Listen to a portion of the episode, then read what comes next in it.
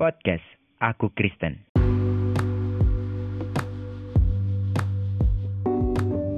Umur panjang ada di tangan kanannya, di tangan kirinya kekayaan dan kehormatan. Karena panjang umur dan lanjut usia serta sejahtera akan ditambahkan kepadamu.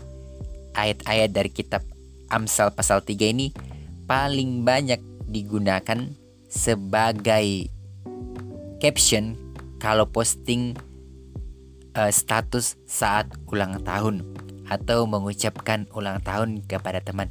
Ini ayat paling banyak menjadi ya sudah populer lah di kalangan anak muda kalau lagi ulang tahun. Tetapi kita melupakan ayat pertama. Sebenarnya poin utama dari ayat ini ada di poin pertama yaitu Ai anakku janganlah engkau melupakan ajaranku dan biarlah hatimu memelihara perintahku.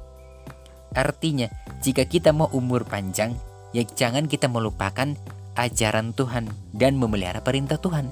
Artinya kita harus rajin mendengarkan firman Tuhan dan melakukan di dalam segala aktivitas kita.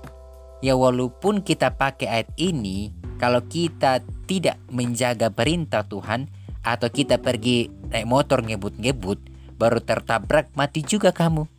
Tetapi firman Tuhan ini mengatakan kepada kita bahwa marilah kita menjaga perintah Tuhan, memeliharanya supaya kita selalu terlindung, supaya Tuhan selalu memberikan umur panjang kepada kita. Jangan sekedar posting doang tetapi tidak mengerti maksud dari ayat firman Tuhan ini.